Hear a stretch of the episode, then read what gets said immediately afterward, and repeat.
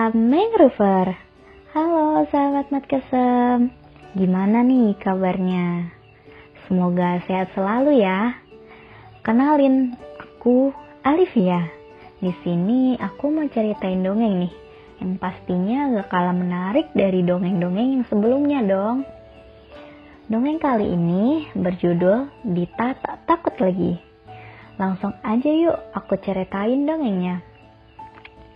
Pagi itu, Dita dan Iki, dua kakak beradik nampak ikut menanam bibit bakau di pesisir pantai. Iki, kakak takut sama kepiting. Pasti kotor juga kan ya? Belum lagi panas. Kakak juga nggak tahu cara nanamnya kayak gimana. Kalau nanti gagal gimana? Dita cemberut.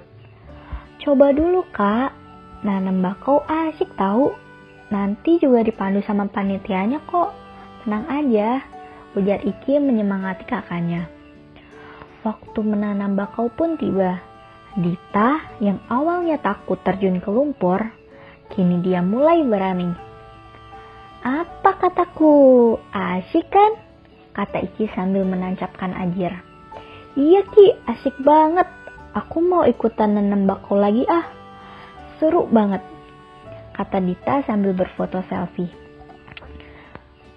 Nah, dari semua cerita yang aku sampaikan tadi, pesan moral yang dapat kita ambil yaitu kita nggak boleh berasumsi berlebihan pada sesuatu. Jadi, kita harus berani mencoba dan nggak boleh takut untuk gagal.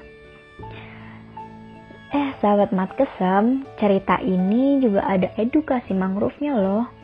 Edukasi mangrove kita kali ini adalah tentang program penanaman mangrove Kegiatan ini mulai marak digalakan oleh banyak pihak. Umumnya jenis mangrove yang ditanam yaitu jenis bakau. Bakau dipilih karena mudah didapat dan memiliki akar yang kuat untuk menghadang gelombang yang menerjang daratan.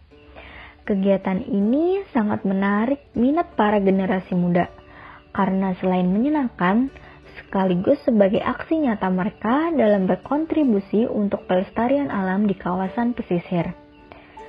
Hmm, sekian dulu cerita dari aku. Sampai jumpa di dongeng berikutnya ya.